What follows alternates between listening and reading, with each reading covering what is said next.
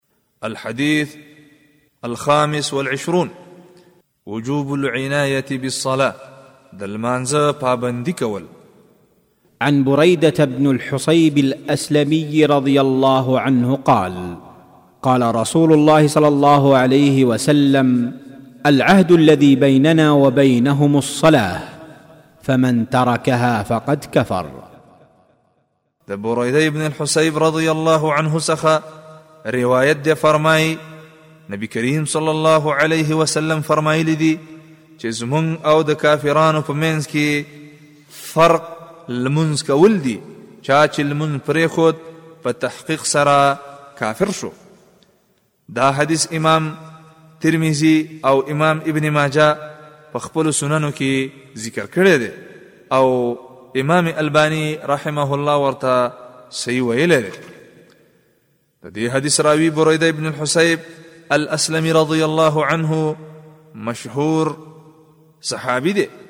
هغه وخت د اسلام دین قبول کړ چې کله نبی کریم صلی الله علیه وسلم مدینه ته هجرت کولو او د دوی په کلی ورتیر شو بریده ابن الحسیب الاسلمی رضی الله عنه سره د اتیا کسانو چې د دې کلیوالو ټول په اسلام مشرف شول او نبی کریم صلی الله علیه وسلم ورته د ماخوستل مون په جمع سره ادا کړ او د احد په غزا او هغه غزاګانې چې د احد د غزا نه رستو واقع شوې دي په هغه ټولو غزاګانو کې د نبی کریم صلی الله علیه وسلم سره شریک شوی دی او بیا په رستو زمانہ کې بصری ته لاړو او له هغه ځایه بیا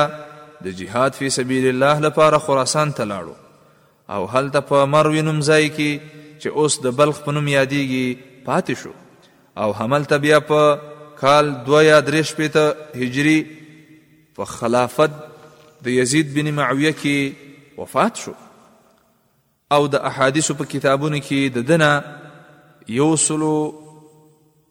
اووه اویا احادیث نقل دي من فوائد هذا الحديث د دې حدیث د فوائد څخه اول